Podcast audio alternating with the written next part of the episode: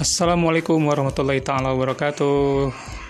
Baik, um, senang sekali bisa mulai um, podcast ini dan kebetulan uh, secara tidak sengaja ketemu dengan aplikasi ini di mana bisa berbagi dengan sahabat-sahabat semuanya di sana tentang sesuatu yang mungkin bisa bermanfaat ke depannya. Baik itu seputar kehidupan kita sehari-hari terutama di lingkungan keluarga ataupun pekerjaan. Terutama yang berkaitan dengan hukum keluarga ya. Bagi sahabat semuanya yang punya persoalan baik itu tentang perkawinan mobil khusus tentang perceraian karena kehidupan sehari-hari saya bergelut di bidang itu nanti akan saya share saya bagikan informasi-informasi yang mungkin bermanfaat buat sahabat semuanya terkait hukum keluarga terutama bagi sahabat-sahabat semua yang beragama Islam ya.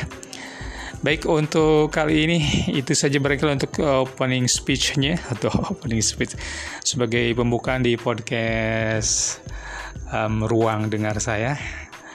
Pokoknya stay tune terus di ruang dengar saya ini tentu um, ya sesuai dengan kondisi dan situasi nanti saya akan memulai podcast lagi sesuai dengan tema yang mungkin penting buat uh, kita semuanya, Anda dan buat saya, terutama yang berkaitan dengan hukum keluarga. Itu saja barangkali untuk sementara.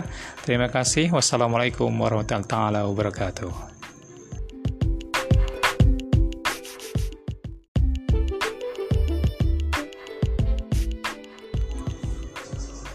Assalamualaikum warahmatullahi taala wabarakatuh. Selamat berjumpa kembali di ruang dengar podcast saya ini ya. Baik kesempatan kali ini saya akan sharing sedikit tentang um, yang berkaitan dengan bagaimana sih tata cara mendaftarkan perkara di pengadilan agama gitu ya. Karena persoalannya banyak orang yang masih bingung bahkan mungkin juga merasa gimana gitu untuk datang ke pengadilan.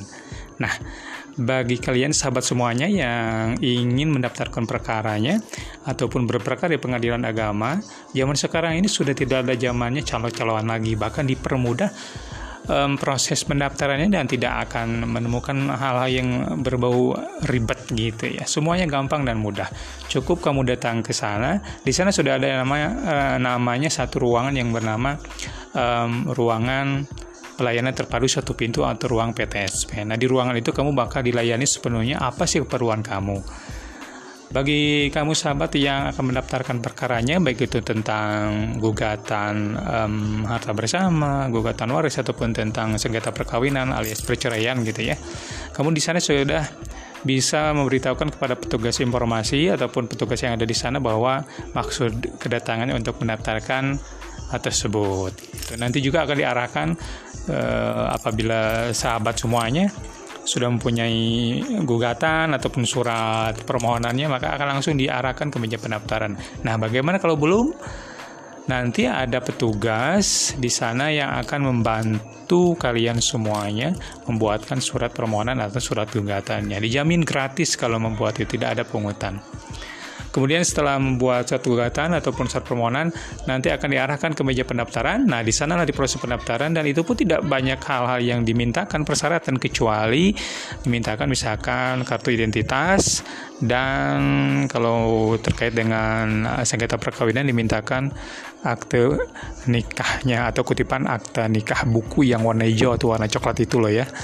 Kemudian setelah itu uh, apa namanya membayar biaya panjar deh sudah gitu itu biaya panjar biasanya ada loket yang bekerja sama dengan kantor pengadilan agama Uh, biasanya sih ada loket uh, kantor apa namanya bank-bank tertentu di situ. Kalaupun tidak, kamu bisa bayar di bank terdekat. Dan biasanya karena sudah ada kerjasama, tidak akan pernah ngantri langsung aja masuk ke bank tersebut dan bilang mau bayar biaya panjar berperkara di pengadilan agama. Setelah itu balik lagi ke pengadilan agama memberi apa namanya ngasih atau menyerahkan uh, slip store tersebut dan setelah itu diproses mendapatkan nomor perkara selebihnya pulang dan nunggu panggilan untuk sidang.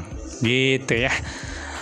Secara sederhana seperti itu sih bagi kamu sahabat yang akan mendaftarkan perkara di pengadilan agama jadi jangan sampai daftar via calo ataupun via orang lain. Zaman sekarang sudah ada yang nggak ada yang namanya calo-caloan nggak ada yang namanya um, orang ketiga yang mendaftarkan. Bahkan ada yang menjanjikan pokoknya daftar saja deh dijamin tidak akan sidang. Itu nonsense alias bullshit ya alias omong kosong.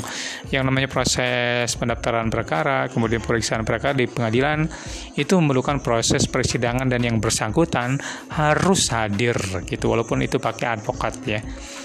Uh, sekali sekali sidang harus di, dihadirkan ke ke ruang persidangan itu ya sementara untuk obrolan selanjutnya menyusul nanti di podcast berikutnya. Terima kasih. Wassalamualaikum warahmatullahi wabarakatuh.